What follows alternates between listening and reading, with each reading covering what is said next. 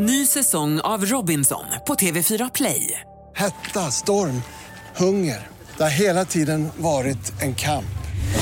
Nu är det blod och tårar. Fan händer just nu. Det. är Detta är inte okej. Robinson 2024, nu fucking kör vi! Streama söndag på TV4 Play. Hej och välkomna till krimpoddarnas krimpodd Över min döda kropp med Lena Ljungdahl Och och Anna Jinghede! Vilken jävla skräll!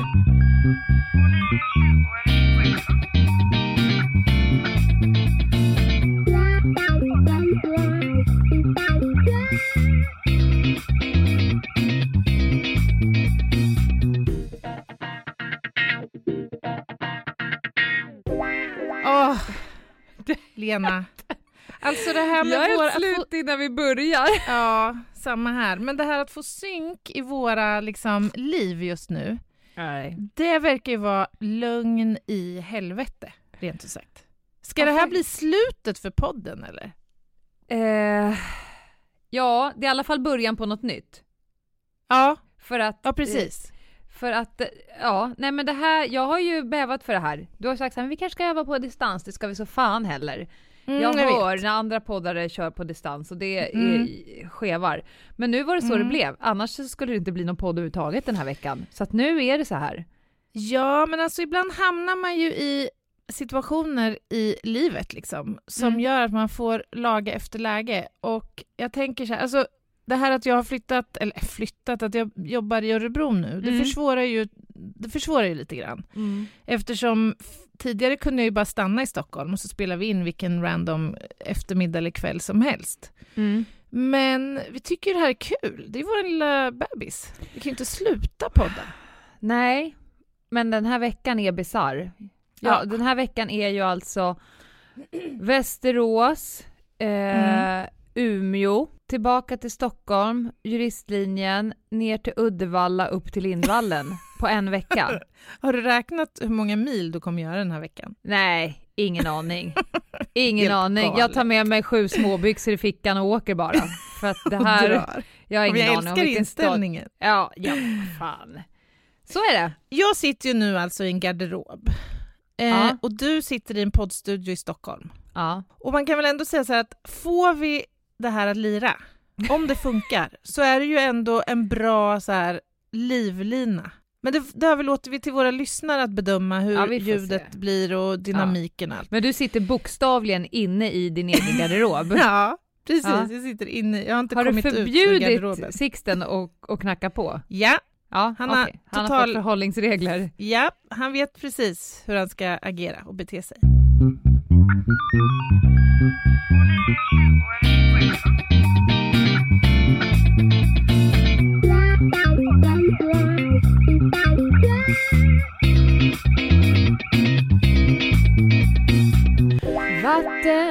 Vattenstan är full Nej, vad sjukt. Jag tänkte också på den. Gjorde du det? Ja. Idag ska hela avsnittet handla om vatten. Ja, det är härligt. Ja. Det blir ju nu en eh, exposé i vårt andra element. ja. Eller mitt vi första. ju- Ditt första? Ja, vatten är mitt första element. Det är ditt första Ja, element. det här är mitt bästa. Är det? Mm. Berätta. Men eh, jag, jag Mm. älskar vatten. Eh, Ja. Jag älskar regn. Jag har ju till och med regn tatuerat på min kropp. Du är Eh, helt dum i huvudet. Ja, Det måste ju vara något fel på dig. Jag Hur kan älskar du älska regn. Jag älskar höst. Och min absoluta favoritdoft, alla kategorier, är doften direkt efter regn. Ja, men det här, kan jag, det här kan jag relatera till och hålla med dig om. Det är ju fantastiskt. Det Men det är måste ju- själavård. Gäller det även så här i januari när det regnar? Ja, för att det spelar egentligen ingen roll om det är doften av blöt asfalt eller det, alltså klart att blöt skog trumfar asfalt. Mm. Men doften direkt efter regn mm. är ja, men den har något. Jag själavård. håller med. Ja, jag håller Och med. sen så har jag ju dykt en hel del. Men jag gillar vatten. Mm. Vad har vi på vatten, Anna? Ja, men alltså vatten, ungefär som vi, vi inledde ju förra eh, veckan när vi pratade om eld med lite så bakgrund om eld. Mm. Alltså det här att det är ett av de fyra elementen och att det här var liksom att det här stammar från medeltiden och antiken när man liksom på något sätt trodde att hela världsalltet var uppbyggt och kretsade kring de här fyra. Mm. Ja. Och vatten är ju också lite speciellt, för det är ju livsviktigt. Människan överlever ju inte utan vatten Nej, och vi utgörs ju till stor del av vatten. ja. Vet du hur mycket vatten? består av? Ja, jättemycket vatten. Typ, eh, och barn ännu mer va? Ja. Mm. Man brukar säga att eh, nyfödda utgörs av 80 procent vatten och vuxna kanske någonstans mellan 60 och 70 procent. Det, är Ja. lite, det är lite fascinerande faktiskt. Ja. Men, men om man tänker efter så här, biologiskt och fysiologiskt så är det Mm. ju jätte- jättemånga funktioner i kroppen som, som drivs av vatten och Mm. där vatten är absolut nödvändigt för att man ska kunna överleva. Och det handlar ju om allt ifrån att ta upp näringsämnen till att transportera viktiga ämnen i kroppen. Ja. Och, och för matsmältning och allt möjligt. Ja, och för mänskligheten har ju vatten varit väldigt, alltså gick vi inte från typ nomader till att eh, när de här nya flodkulturerna eh, Ja, drog igång vid Egypten och Mesopotamien Mm. och sådär, när man började Mm. bygga städer och sådär, och det var ju vattnet att börja transportera saker och bygga Ja. saker och, och transportera människor och, och varor och sådär. Så att Mm. jag gillar vatten. Djupaste graven, är inte den 11 000 meter eller något liknande? Ja, det, det, är väl Marianergraven? Ja, eller? exakt. Där Ja. världens eh, djupaste levande fisk bor.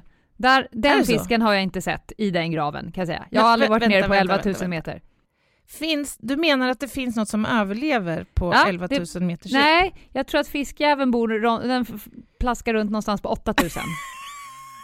But still, Han har liksom top floor. Det är liksom... han bor i penthouse. Ja. Nej, det, kan, nu. det Vadå, måste vara är rätt en, mörkt. Är det en fisk? Ja, det är en. En. Göran.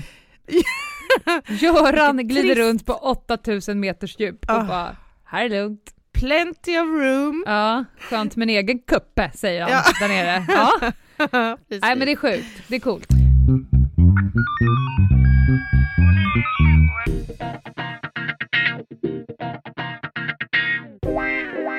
Jag, jag tycker det är så roligt ibland, speciellt, jag vet inte om det här är något speciellt med poliser, att det blir så ängsligt om man inte får sin, sin lunch i rätt tid. Har du tänkt på det? Så här, åh, och, och på min rotel, eller på min arbetsplats, där äter man klockan 11. Och råkar det bli halv tolv eller tolv eller rent utav att man behöver kallas ut på ett jobb där i krokarna. Nej men du vet, för vissa är ju det här väldigt, väldigt traumatiskt. Och då brukar jag lite skämtsamt säga så här att du, man kan klara sig utan mat i typ fem, sex veckor kanske. Ja, jo. Däremot så är det ju värre med vatten. Då brukar man prata en vecka kanske, en vecka, tio dagar. Så jag har ingenting att relatera till, jag är spanare. Mm. Där är du ju glad om du får i Mm. dig mat. Ibland har Mm. du tid att äta, men det, kan, det finns ju absolut inga tider för mat. Nej, det är så här- alltså jag är... Precis just nu så sitter jag till så att jag kan åka och stoppa i mig något och då typ ropar jag på radion så här, ni som inte har ätit på hela passet ska köpa något. Ja. Och sen så får man åka förbi och kasta in någonting i bilen. ja, men du har ju fingertoppskänsla där. Det märkte jag när vi spelade in Tjuv och polis. För att det var ju där i början som jag och min kriminalteknikerkollega Magnus fick jobba ganska många timmar i sträck. Och för kriminaltekniker så är det på något vis en... Eller då, jag har ju precis sagt att det inte är så tydligt, men för vissa då så, så, så kan man liksom jobba på i många, många timmar utan att ens tänka på det här med mat. Jag är sån. Ja. Så jag kan liksom, har jag påbörjat en platsundersökning då kan jag jobba i fem sex timmar och sen det där med mat det blir liksom sekundärt. Sen brukar jag ha lite såna här powerbars och, så man får i sig någonting. Men Kriminaltekniker jag- trans. ja, Ja. precis. Men då vet jag att du dök upp där som en Mhm. jävla dröm med mat till oss. När vi hade jobbat liksom i tio timmar Ja. sträck eller något. Jo men det är någonting som man som eh, spanare har, har utvecklat helt enkelt. Man vet att det är en eller två personer som kan kanske komma loss och då får man ju åka och handla. Sen är det Ja. inte alltid så, ibland kan det ju vara så att man kan sitta och äta en timme för att man vet att obje- spanobjektet, eh, inte vet jag, i simhallen och övar Mm. för att få baddaren, Market. inte vet jag vad de gör. Men, men så är det i alla fall. En sak ska jag säga, när du pratade om Mm. poliser, jag, jag kom av mig, men, men Mm. Vad är det med alla poliser som går och snuttar på sina vattenflaskor? Vad sa Ja. du? Sa du fem, sex timmar man kunde överleva? Fem, sex dagar? Dag, sju, Ja. ja. en vecka, tio dagar. Ja, jag menar ju såklart dagar.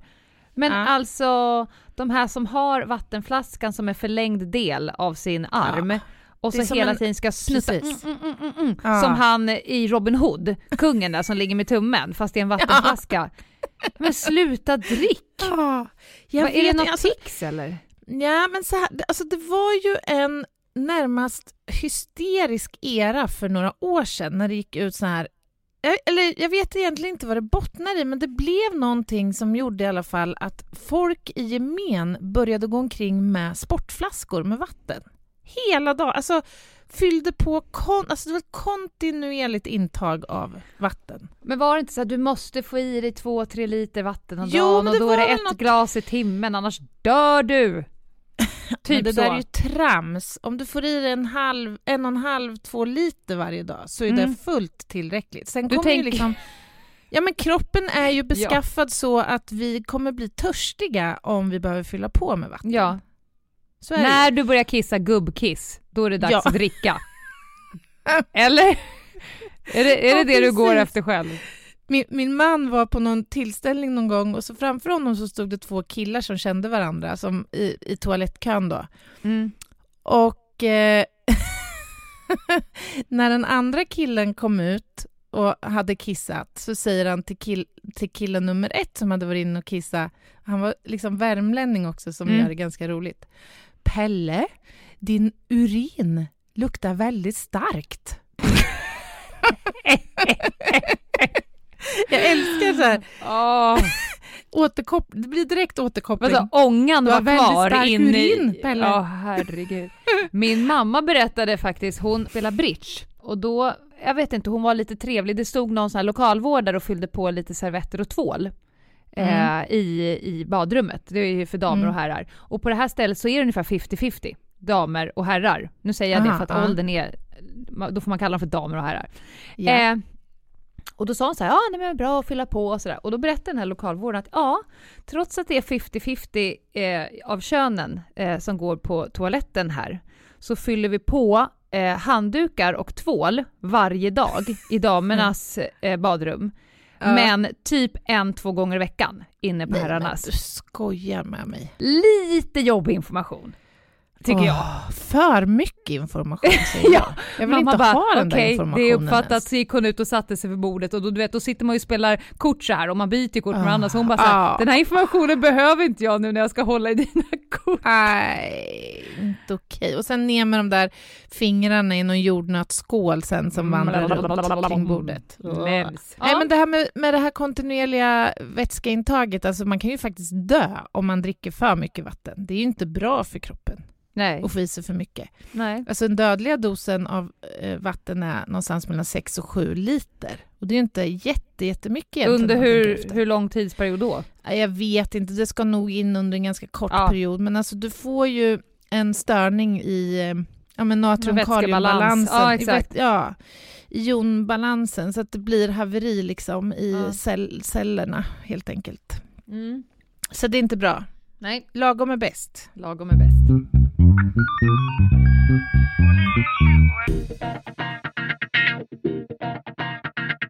Ska vi prata lite eh, polisen och vatten då? Ja.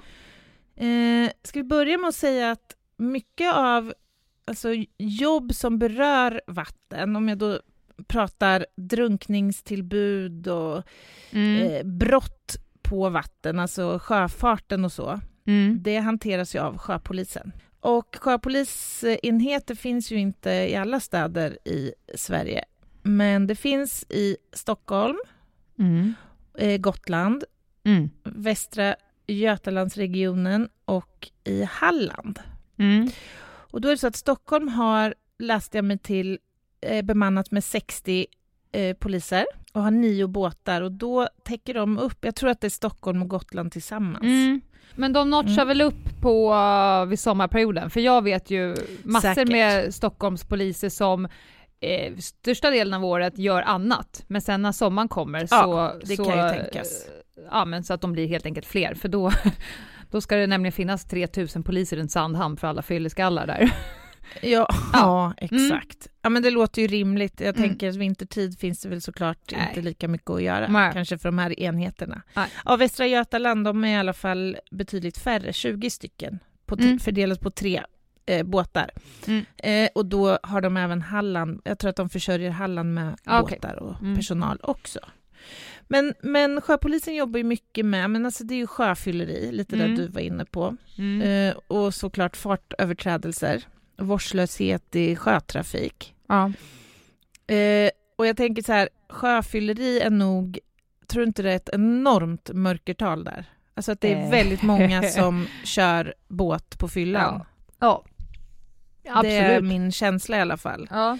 Jag tror att det är omöjligt för de här 60 i Stockholm och 20 i Västra Götaland att beivra liksom det där fullt ut. Det går ju Ja. inte, såklart. Men sen kan det ju vara andra brott såklart också. Brott mot fiskelagen till exempel. Eh, det kan vara tillgreppsbrott, stöldbrott. Alltså båtar och båtmotorer och sånt som stjäls. Mm. Och det där går ju lite i vågor. Alltså det är perioder när det stjäls väldigt, väldigt mycket just båtmotorer. De har väl betingat ett eh, högt värde helt enkelt. Jag vet ett modus som några körde någon sommar, eh, jag tror att det var på Lidingö, där Mhm. På morgonen när alla familjerna skulle ut och åka med sina båtar så var det någon som hade varit där och trodde de tagit alla motorer. Men det hade de ju inte, utan de har ju bara hakat av dem och sänkt dem i vattnet. Så att alla Aha. motorerna låg liksom i, i vattnet. Eh, och sen så ringde alla till sina försäkringsbolag och sen fick de ut pengar och så köpte de nya båtmotorer och satte på. Och Ja. när de hade kommit, då var någon där på natten och snodde alla de nya. Är ganska sofistikerat modus Ja, skulle jag säga. Jädrar alltså. Mm.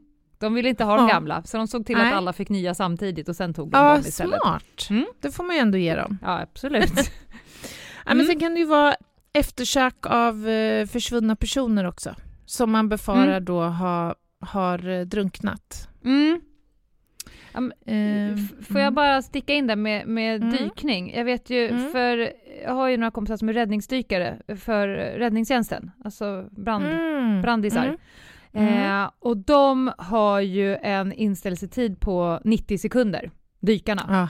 Så att de är ju de som letar om det Shit. liksom är här och nu akut. Ja. Eh, däremot så eh, polisdykarna, alltså sjöpolisens dykenhet, de har ju mycket längre inställelsetid. Så de letar Ja. lite mera eh, senare kan man säga. Det är såklart Ja, att de också förstår. kan vara, vara snabba på, men, men det är räddningstjänsten som är först på bollen om det är någon som har liksom gått för- igenom eller som man har tappat bort eller försvunnit. Ja, jag förstår. För Mm. jag tror, var det inte förr så att nationella insatsstyrkans dykare Mm. biträdde Ja, i de så här kan det vara. lägena? Ja, jag tror man renodlade verksamheten lite grann för att nationella insatsstyrkan ska ju jobba främst med liksom andra typer av ja.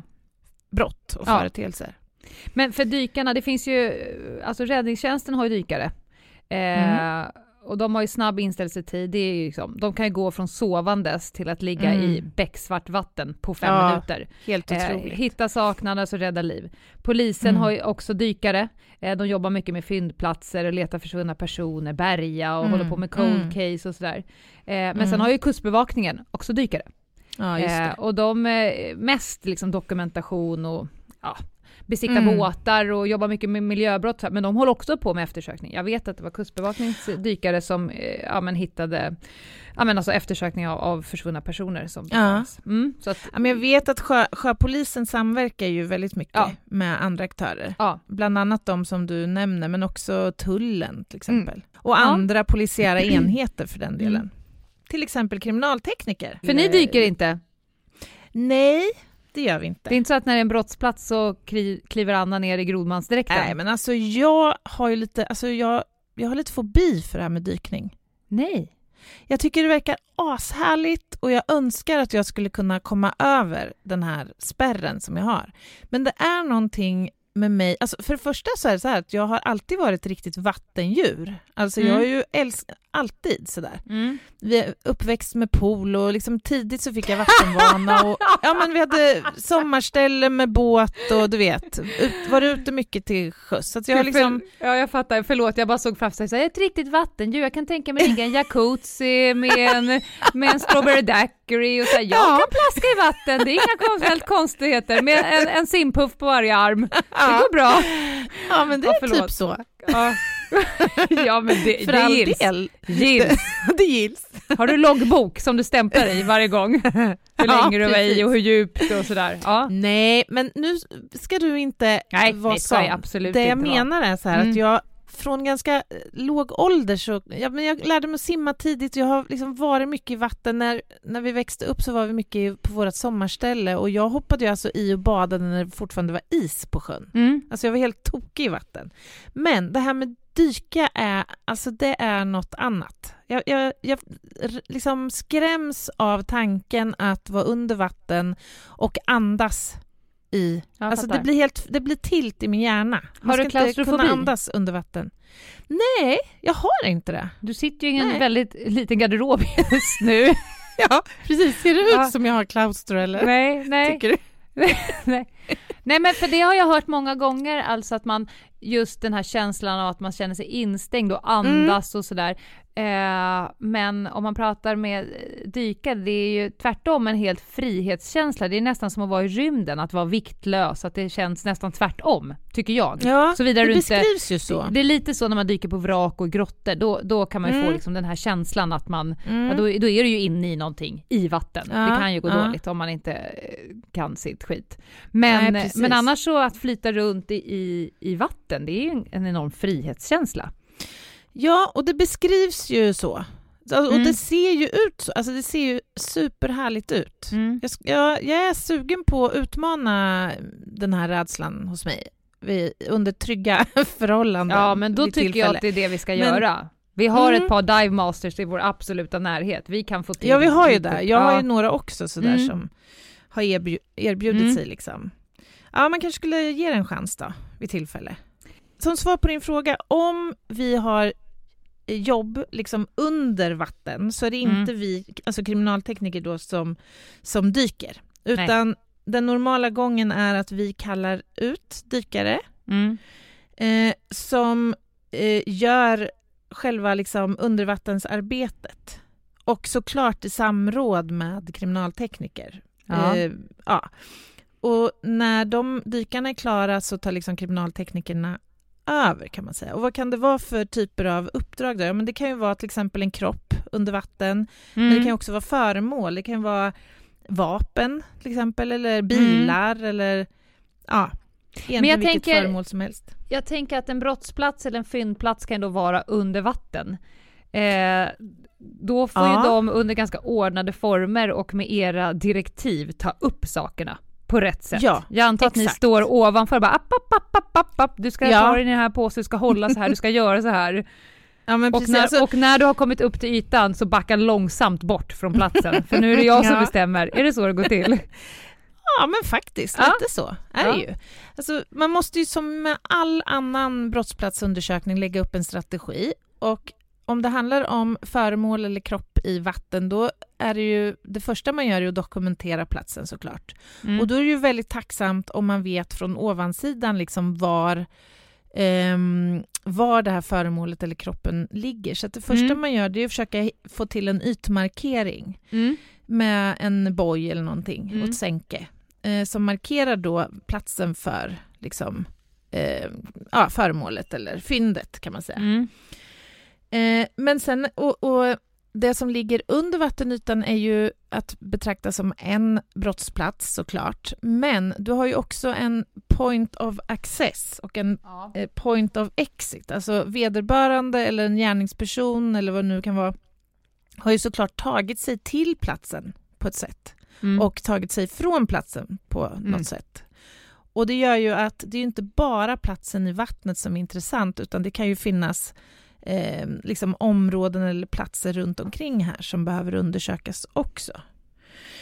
Eh, och ibland så vet man att det ligger ett föremål på en viss plats eller en kropp och ibland så får man ju då eftersöka ett föremål eller en kropp. Och det finns Mm. ju olika teknik för det här. Allt ifrån sonar till ekolod och metalldetektorer kan man använda, metalldetektor kan man använda under vatten och sådär. Eh, så det finns ganska coola faktiskt gadgets för det här. Att Mm. hitta grejerna liksom. Och så finns det ju då en, en rutin för hur man ska göra för att, eh, att ta vara på det här som ligger under vattnet. Då. Mm. Eh, och det ska naturligtvis också dokumenteras, hur det ser ut under vatten och det gör ju dykarna då. Mm. Eh, men det kan vara fråga om att säkra vissa spår redan Ja. under vatten eller när man i anslutning till att man får upp föremål eller en kropp. Och när det gäller till exempel vapen då som har legat eh, nere på en sjöbotten så blir ju, alltså det, det blir ju rostpåverkat och sådär. Eh, påverkat av liksom, ja men påväxt kan det ju bli av allt möjligt sådär när det har legat nere i dy eller så. Mm. Så då är en bra grej att få med sig, alltså ta upp vapnet eller vad det nu kan vara då tillsammans med vatten. Så att man liksom Ja, okej. får med sig lite vatten så man får, får Tar typ en förlänger påse, liksom. Exakt. som en guldfisk till ytan. Aha, Mm, mm. exakt. Eh, och, sen, och sen så tar vi hand om föremålet då. Låt säga att det är ett eh, vapen, en pistol kan vi säga. Mm. Så kommer vi sen ta, ta hand om det och göra den fortsatta spårsäkringen. Men faktum är att trots att ett vapen har legat länge under eller i vatten så, så kan man faktiskt eh, hitta intressanta spår på det. Det Fingeravtryck? finns Special, ja, fingeravtryck till exempel. Aha. Det finns specialmetoder på eh, NFC, alltså Nationellt eh, forensiskt centrum, som går ut på Alltså det finns en metod som heter VMD till exempel och det handlar om att guld och eh, zink förångas på ett sätt Mm. som gör att eh, fingeravtryck kan, kan eh, framträda. Men det finns ju också andra spår på ett vapen. Du kan ju få fram ett serienummer och spåra det till kanske en ägare eller man kan provskjuta det och se vad det ger för spår på en eh, eh, kula och sådär.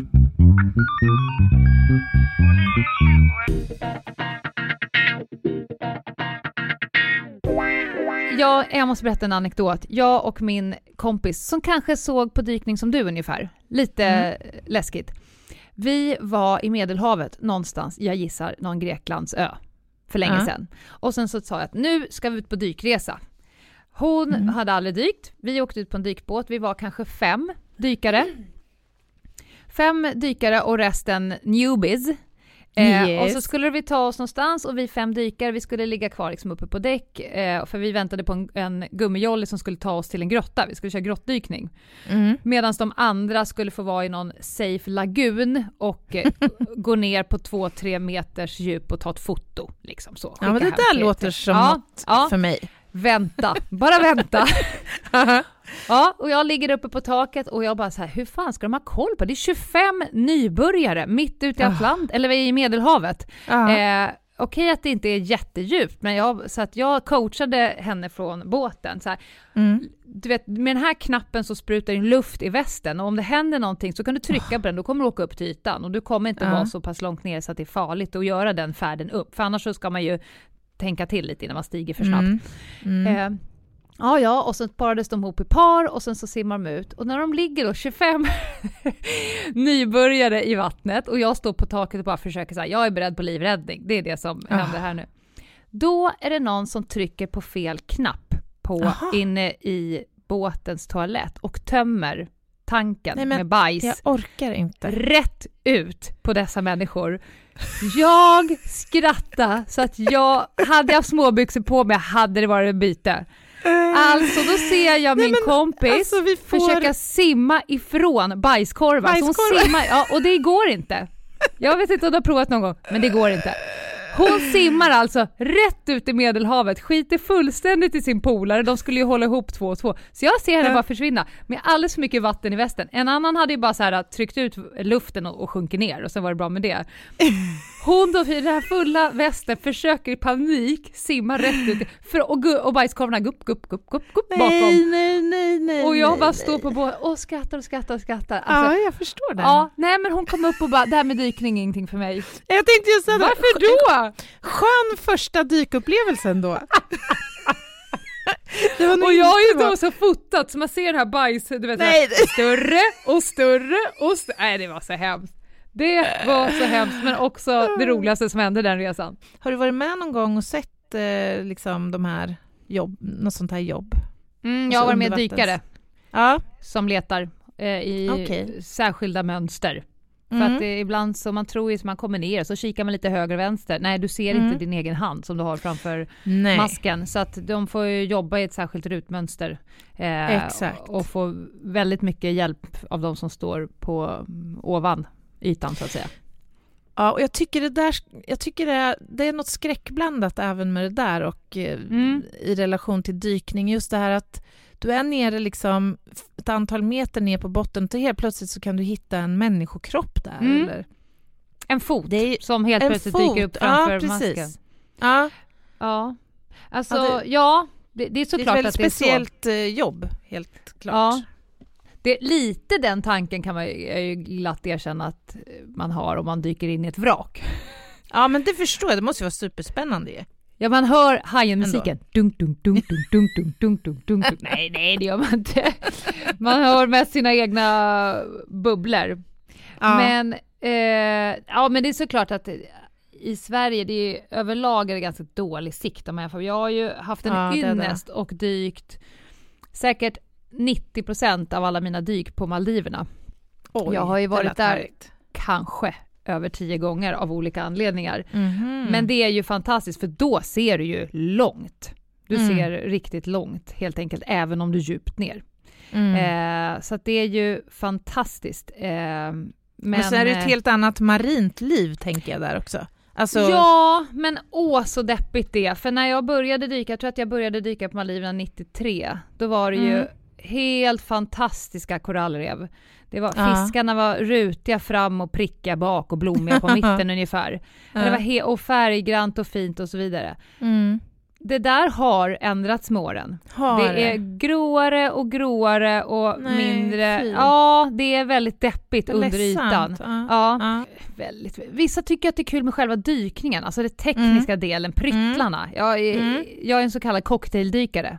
Jaha. Jag vet inte om folk ser Vad ner lite det? på Nej men det innebär att jag vill ha det ganska bekvämt. Jag gillar att gärna bi- dyka i typ så baddräkt eller en tunn, tunn våtdräkt. Jag vill se saker. Ja men jag vill se Ja. saker. I min loggbok, det finns delfiner och hajar, muräner, sköldpaddor, eh, allsköns alla fiskar. Jag vill se Coolt ändå. saker. Jag vill inte frysa innan dyket, frysa under dyket, frysa efter dyket och känna jag såg en stövel, två mörtar och min dykpartners röv. Det är liksom inte ett dyk för mig. Jag är en Nej. cocktaildykare, jag erkänner, men jag har också haft förmånen att kunna vara det. Jag förstår att det inte är helt Mm. lätt att fara fram och tillbaka till Maldiverna, men det är fantastiskt.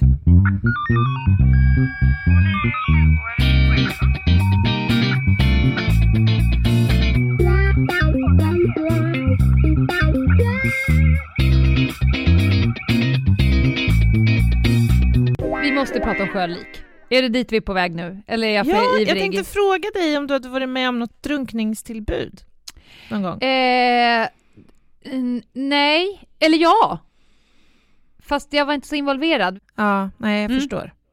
Nej, men det här med, om vi bara tar det här med drunkningar så är det Ja. ganska intressant för att det har varit flera år, så här sista tioårsperioden, när det har varit väldigt många drunkningstillbud Mm. i Sverige, eller så här att det liksom har stuckit iväg i antal. Och man kan tänka sig att eventuellt kan ha att göra med eh, ja, men invandrings... ehm, Mm. eh, perioden där, 15, 16. Simkunnigheten. För simkunnigheten vet Mm. man är betydligt lägre i många Mm. grupp, andra grupper. För man, alltså I Sverige så lär man sig att simma, det är ju till och med krav på det, eller man får Mm. gå igenom prov i skolan och sådär, vilket är ju jätte, jättebra faktiskt. Mm. Så att man lär sig det som, som barn.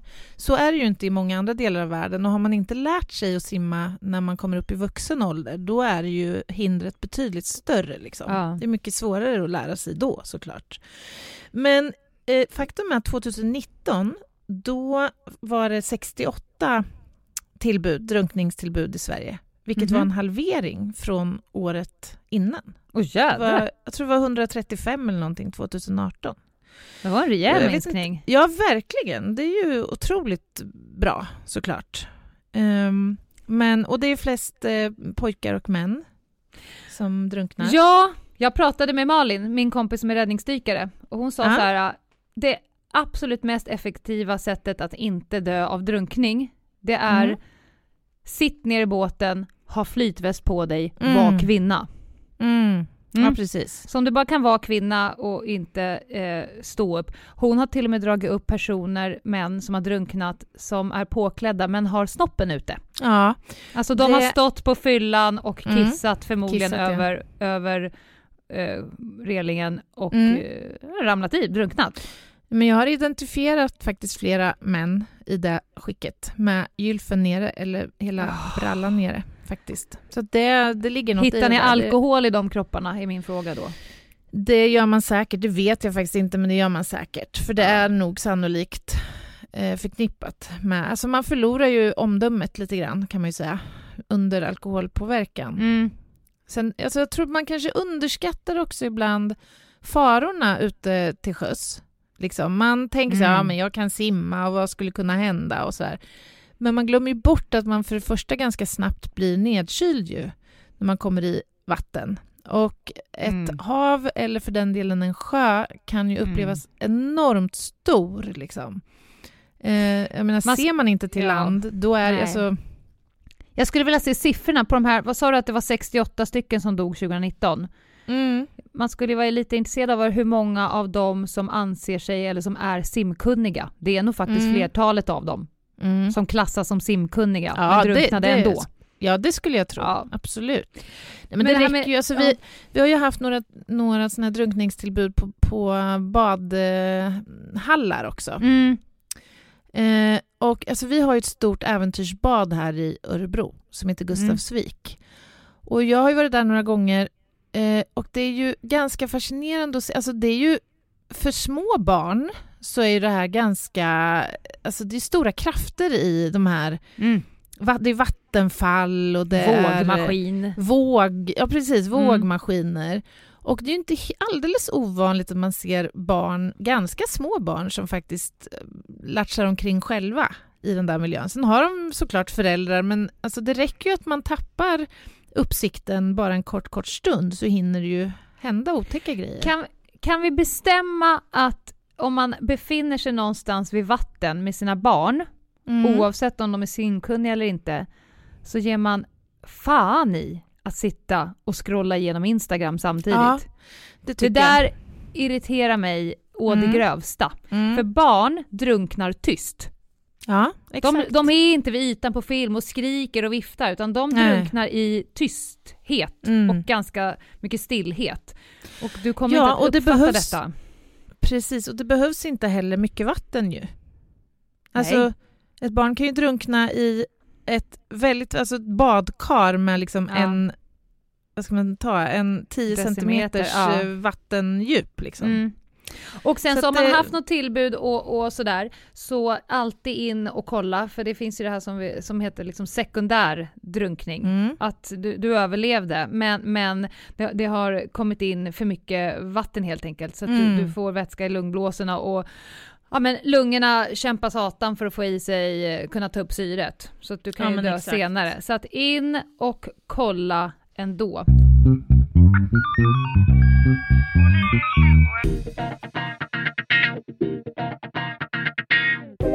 Jag frågade räddningsdykaren Malin angående Mm. HLR i vatten. Om man hittar Mm. någon person eh, som håller på att drunknar eller man har räddat någon, eh, Mm. så sa hon att till, för jag frågade lite hur skiljer sig HLR? Hon sa att här, påbörja inblåsningarna redan ute i vattnet. I vattnet, ja. De har ju tekniker där de blåser och simmar samtidigt. Mm. Eh, men åtminstone så fort du får fast mark under fötterna på dig själv Mm. så gör fem inblåsningar, det första som Mm. händer. Mm. Och sen släppa upp på, på, på marken och sen så gör Mm. du vanlig HRR. Men, men blås, Mm. blås. Och så sa hon att, att lungorna blir som svampar på människor som har eh, dragit in vatten. Så att du Mm. måste blåsa både hårdare och längre än vad du tror. Ja, de är exakt. liksom som... som men de har eh, tappat sin eh, elasticitet Ja, kan man men de säga. är som eller... skursvampar sa hon. Ja. Du ska Mm. tänka som en, en gul skulsvamp som är full med vatten. Du måste liksom blåsa ordentligt där i.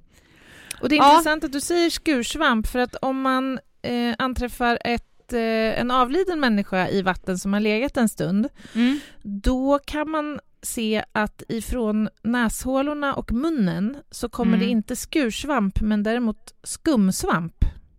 Mhm. Har du hört talas om det? Jag ser Så det blir som framför en- mig men...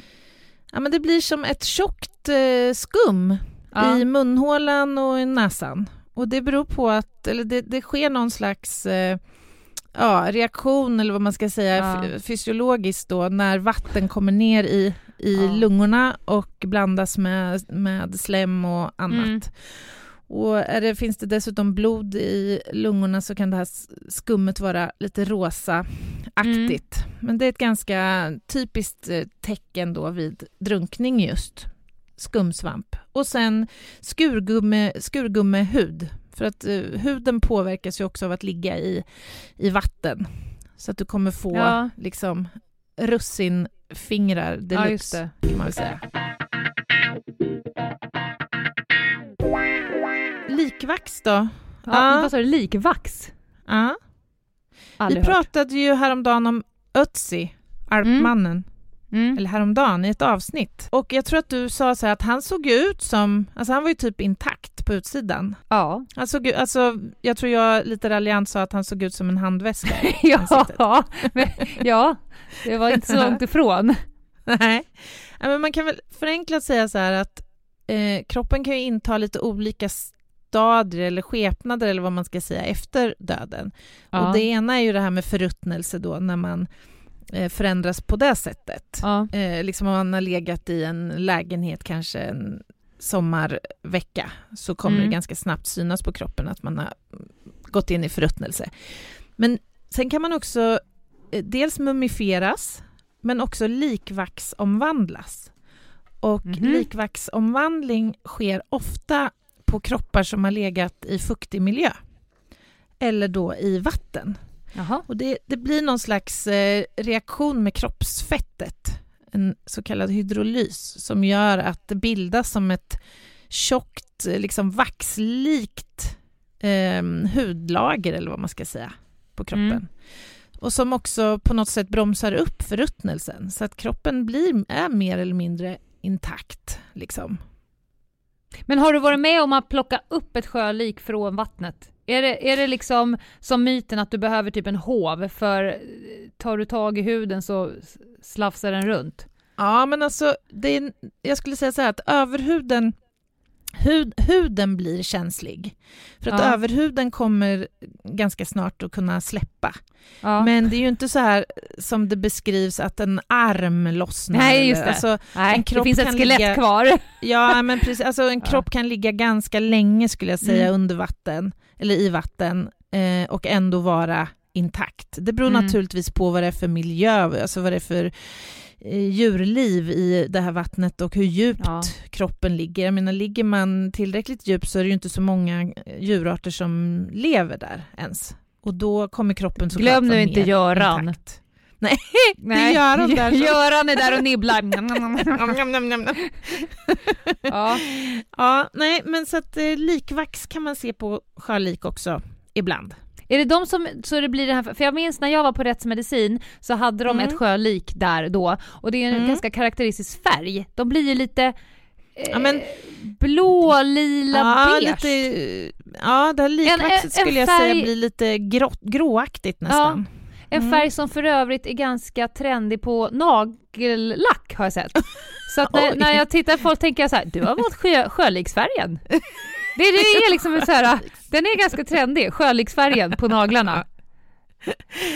Ja, just det. Men jag, jag ska säga det också att det är inte alla som genomgår det här likvaxomvandlingen, utan Nej. en del blir ju, alltså förruttnas ju precis som, som de flesta andra avlidna kroppar Mm. gör. Ehm, men, och då, du vet jag att det bildas ju massa gas i kroppen när förruttnelsen inträder.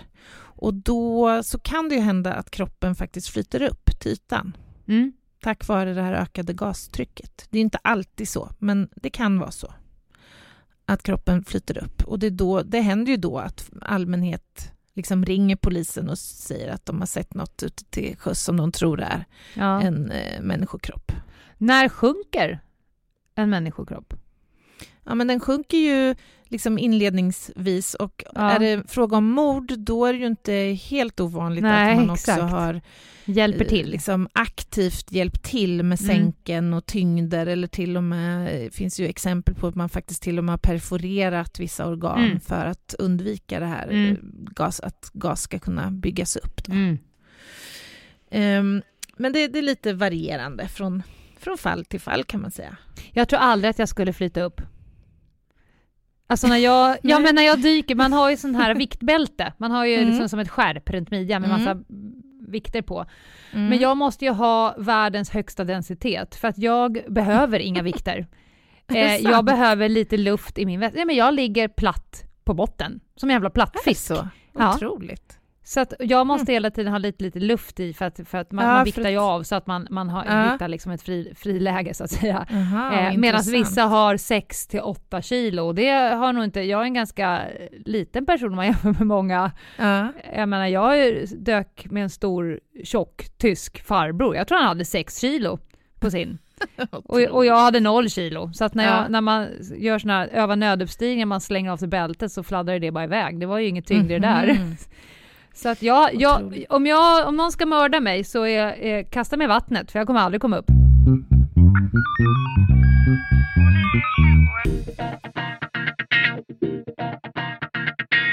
Du har hört talas om kiselalger i anslutning till mordutredningen? Nej, nej. Nej. Ja, men det är så här att vissa eh, växtmaterial Eh, alltså växtmaterial ruttnar eh, olika snabbt, eller vad man ska säga. Eh, och kisel, de har, eh, alltså det är en alg, och de har cellväggar som har ett ganska, vad ska jag säga, hårt, alltså hårt skal, som gör att de kan finnas intakta inne i kroppen, i kroppens vävnader och i eh, käk, alltså i bihålor och sådär på andra ställen. Och vilket gör då att man kan, eh, alltså om man, om man, är, om man anträffar en kropp i en sjö där det finns mycket kiselalger, då är det ju förväntat att hitta en del kiselalger inne i kroppen. I alla fall om, om vederbörande har drunknat eller sådär bragts om livet i den här sjön. Mm. Eh, och finns inte det, då kan man tänka sig att kroppen har varit död innan den har sänkts ner i sjön. Okej. Så att det här är ungefär som vi har pratat om det här med våra likmaskar tidigare. Ja. Så kan man också utnyttja kunskapen om vissa ja, men alger då. För att Okej. olika kiselalger är också ganska unika. Alltså de, det finns olika sorter och de finns olika mycket och av olika typer i olika områden helt enkelt. Det är väl Intressant. Ja, ni Ja. måste vara väldigt breda i er kunskap. Ja, men det här är ju en sån här eh, kunskap som man, eller expertkunskap kan man väl säga, som man kan få hjälp med Ja, okej. att Mm. klura lite på. Mm. Men det är bra att ha en övergripande kunskap i Mm. alla fall. Absolut. Eh, sådär. Så att, eh, ja men det är, det är lite intressant. Eller hur? Ja, verkligen. Mm. Jag lär mig saker varje dag med dig. Ja, Mm. eller hur? Jaha, vad har vi mer på vatten, Lena? Ja, är vi klara med, med kropparna och kriminaltekniken? Vi har ju liksom vatten även eh, ovan jord, höll jag på att säga. Mm. Regn och, och... Jag tänker på vatten, alla dessa människor man skulle ta pissprov på som tänkte att de skulle Ja. späda ut det, så de bara “jag är så törstig”. Ja, du Ja. kan få ett, en, en, litet, en liten kopp kan du få. Ja. Jag är så himla törstig, jag tror att jag tänker att jag skulle behöva dricka två, tre liter här nu. Han bara, nej, nej, nej, vi, vi kommer ta pissprov först och sen får du dricka bäst du vill senare i livet. Men just nu så ska vi inte välja i oss vatten. Jag har Nej, gjort husrannsakan i ett akvarium en gång. Va? Ja, men vi hade så bra tips. Vi visste att det skulle vara eh, knark i en lägenhet, för att det Aha. visste vi. Eh, Ja. Och vi letade, alltså vi letade och letade och letade, så bara nej. Så sa det bara, det sista, alltså det finns ett ställe vi inte har letat på och det är Mm. i det här eh, stora akvariumet. Nej. Tack och lov inte terrarium, utan det var en sån där med fiskar och vatten och, och i. akvariet så var det pirajor. Ja, exakt. Ja, barracuda. Nej. Barracuda. Nej, det var såna här vanliga akvariefiskar, jag vet inte vad de heter. Ja, och de här svarta med någon slemmig svans på.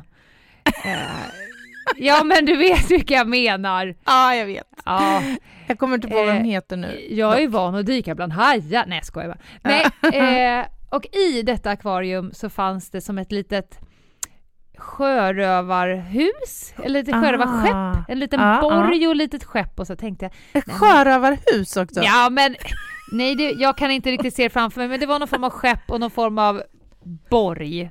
ja. Det vet jag. Någonting gjort i papier Och där inne fanns kanske. en skattkista. Vad sa du? Och där inne fanns en skattkista. Nej, nej, nej, nej, ingen skatt. Men jag tänkte så här, nej men det är väl någon som har, ja, det här är sista stället jag letat på, jag måste ner här. Så det Ja. var ju bara att och, och krångla sig i där och I'm ner going in. I'm going in. Och dra på trissor. Det är såklart att det låg där i. En liten sån här, äh, som en sån här, äh, ett sånt där rör som man har runt halsen för Ja. på 80-talet med pengar ja, ja, ja, med pengar. Ja, exakt. Ett sånt låg där i. Och där fanns Med knark? knarket. Ja, jajamän. Ja, fasen. Ja.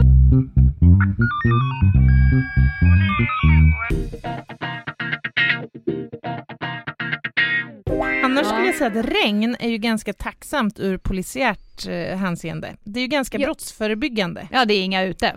Nej, Jo, jo jag. Men Ja, du. alla andra Ja, inne. Ja, precis. Jag begår inte så mycket brott. finns en och annan sån här Ja. knasboll som älskar regn som ute. Ja. Nej, men Fast våld i nära relation. det pågår ju alltid. Alltså brott som sker inomhus är ju såklart alltid ändå. Går det kanske till och med lite Aktuellt. upp? Alltså man brukar ju säga att våld i nära relation går upp över sommarhalvåret Ja. och över högtider, jul ja. till exempel. Eh, det är klart, man tänker sig en lång period med sånt här sitta inne-väder så kan man ju tänka sig att friktionen liksom kan Mm. öka. I, Och allmäntillståndet. Ja, precis. Mm. Så det är klart, det, är ju en intressant Kanske. frågeställning faktiskt. Jag skulle inte bli förvånad om det var så, om det är så. Nej. Och att det ökar på sommarhalvåret, det kan ju tänkas ha att göra med att det är semester och det är mer alkohol och eh, Mm. ja, mer så här, krav kanske på ett sätt. Att man ska hinna med så mycket och resa fram och tillbaka och ja, så. Ja, jag skulle vilja eh, berätta om ett test som dykelever kan bli utsatta för om de Mhm. har en fiffig och förnulig dykinstruktör. Berätta. Eh, Ja, vi kallar det för, för festdyket. Eh, där man får ta med sig en varsin eh, ölflaska. Säg en eh, glas, glasflaska. Vänta nu, 33 det här centiliter. låter ju ändå som att det skulle kunna vara något för mig. Ja, ja. Man, man tar med sig öl ner. Mm, du tar en, en, ja men vi ser det framför oss. Anna, här nu, det här är slutdyket på din kurs här nu. Nu ska vi ha det kul. Du tar med dig en 33 centiliters Uff. ölflaska, glas. Ja. Du Ja. bara, det är inte mycket, jag tar två. Nej, du får bara en. Ja. Och sen så går man ner och sätter, du får sätta dig på botten. I mitt Mm. fall hade jag fått sätta på mig massa vikter. Såna här betongskor. Ja. Ja. Ja. Eh, typ 10-15 meter ner. Mm. Eh, och man ska då kanske repetera innan vad vi har lärt oss om Boyles lag och Henrys lag och allt det där Mm. med densitet och tryck och allt vad det nu är. tryck. Ja. Ja. Och sen så håller du flaskan upp och ner. Mhm. Eh, och den kolsyrade drycken är nu inte längre kolsyrad på grund av att trycket är för stort. Trycket. Mm. Ja. Eh, och du håller den upp och ner och öppnar korken så kommer ju inte ölet att rinna ut. Nej. För att hav, det- havsvattnet har mm. liksom en högre densitet så att eh, Mm, ölen kan det. inte rinna ut. Mm, intressant. Så Ja. för du in ett sugrör. De här Mm. instruktionerna ger jag dig innan du går ner. När du är där nere, öppnat korken. Du för in sugröret hela vägen Mm. upp i, i botten. På, Ja. Till flaskans botten som då är uppåt. Mm. Eh, och sen så kan du då dricka tills ölet är slut. Du kan slurpa i hela ölen. Eh, och allt eftersom att du dricker eh, Mm. ölet så kommer ju flaskan att fyllas på med havsvatten underifrån. Och Mm. Just det kommer det. inte att blandas med ölet. Nej. Och eh, då ställer du frågan så här, men hur vet jag när det är slut? Ja, men i och med att det inte blandas så, så när du får havsvatten i munnen, då är Ja. ölet slut. ja. Fiffigt, tänker Anna. Glider ner, gör allt det rätta, känner sig som kursetta, Kung drar in sugrör. Kung i Ja. baren i det här Ja. fallet. Ja. Kung i havsbaren. Dricker upp. Grejen är ju bara det att eftersom du inte får luft i ditt svalg Mm. så kommer du inte känna när ölet blir till vatten så att säga. Nej. Det går ju inte att känna smak. Nej. Och det här är ju så lustigt för då börjar du bara mm, mm, mm, ja men det, det, ölet är slut när du börjar dricka havsvatten. Så du dricker havsvatten. Men Eh. gud, det måste ju vara... Måste, den här kursen avslutas då med en spya för samtliga kursdeltagare Ja eller? men, ungefär, ja men ungefär två deciliter havsvatten, då är det kräk. Mm, mm. Två deciliter. Innan dess Ah. så är du safe. Slutsatsen av det här är ju att smarta dykare dricker sin öl när de har dykt klart. Ja, I Det är lugn ju- och ro. det är en bra Uppe. lärdom. Ja. Men eh, är det lustigt att alla bara smart, smart, det här ska vi testa och så dricker, dricker, dricker, dricker. Den här inbyggda känslan för när 33 centiliter är Ja. borta. Om man inte Ja, den- har den då kommer man bara fortsätta dricka havsvatten. Jo men det, det kommer smaka. Men det behövs ju som sagt luft för att man ska kunna Ja, känna smak. intressant. Jag har aldrig, jag har aldrig Det hört där- talas om det här testet. Nej, det är därför barn, man håller för näsan, man ska äta något äckligt. För Ja, då känner du inte smaken. precis. Så då Nej. går det bättre. Ja.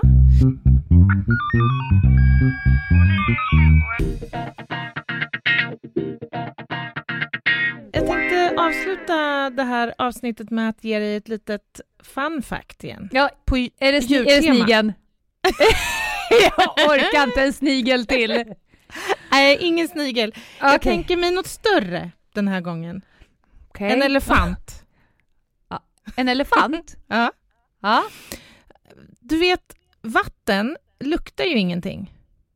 Eller i vart fall inte för människans eh, näsa. Du ser tveksam ut. Nej men jag relaterade till liksom doften efter regn men det som händer är att det kommer upp lukt från marken så att jag, jag köper att själva vattnet luktar inte. Ja, och sen från växter som liksom på Ja, något ja. sätt... Aromer och sådär. Ja, exakt. Mm. Men vet du att elefanter, de kan känna lukt av vatten på mer än 20 kilo- kilometers avstånd. Men är det själva vattnet de känner lukten av? Ja, men jag, alltså jag har funderat lite på det här.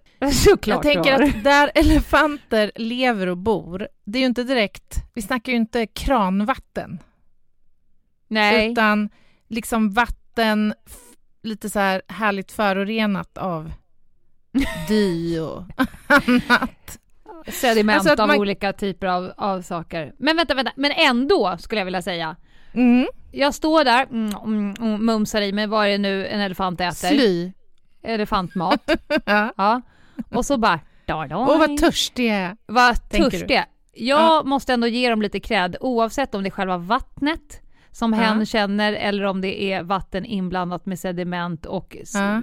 kiselalger eller vad det nu är. Så måste man ändå ge dem, vad snackar vi, två mil? Ja, ja, visst. Mm. Ja. Det är coolt ju.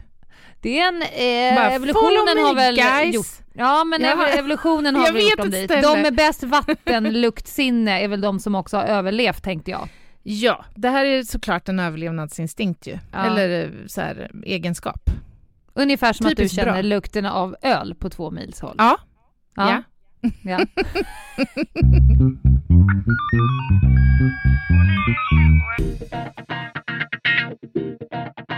Har vi betat av vattenelementet bra, tycker du? Vi har varit i dykning, vi har varit sjöliken, vi har gjort lite brottsplatsundersökningar, vi har pratat lite HLR. Förebyggande av drunkning. Ja. Nej men det tycker jag. Det tycker jag. Jag, jag Mm. tycker vi känner oss nöjda. Och då återstår för oss att säga så här att titta in på vårt Instagramkonto som Mhm. heter Ljungdahl och Ginghede. Eh, gärna, alltså det är lite kul, vi har fått lite shoutouts nu på sista tiden. Det är ju jätteroligt och då ser vi ju att fler Ja. hittar ju till podden och Ja. följer oss på Insta och sådär. Låt fler få komma i kontakt med podden hörni. Mhm. Gärna fler shoutouts. Det gillar ju vi. Dela och sprid. Det blir bra. Dela och sprid. Och sen har ni frågor eller funderingar eller vill kanske samarbeta med oss på något sätt så mejla oss gärna också. Ljungdahl och Ginghede at gmail.com. Bra. Bra! Vi hörs nästa vecka. Det gör vi! Hej Hej då i garderoben! Hej då!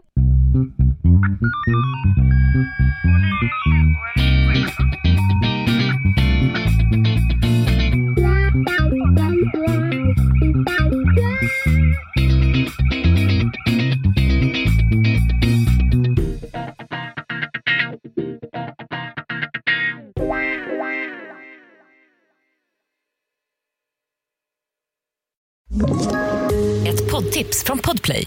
I podden Något Kaiko garanterar östgötarna Brutti och jag, Davva, dig en stor dos skratt. Där följer jag pladask för köttätandet igen. Man är lite som en jävla vampyr. Man har fått lite blodsmak och då måste man ha mer. Udda spaningar, fängslande anekdoter och en och annan arg rant. Jag måste ha mitt kaffe på morgonen för annars är jag ingen trevlig människa. Då är du ingen trevlig människa, punkt. Något Kaiko, hör du på Podplay. Därför är gardinerna.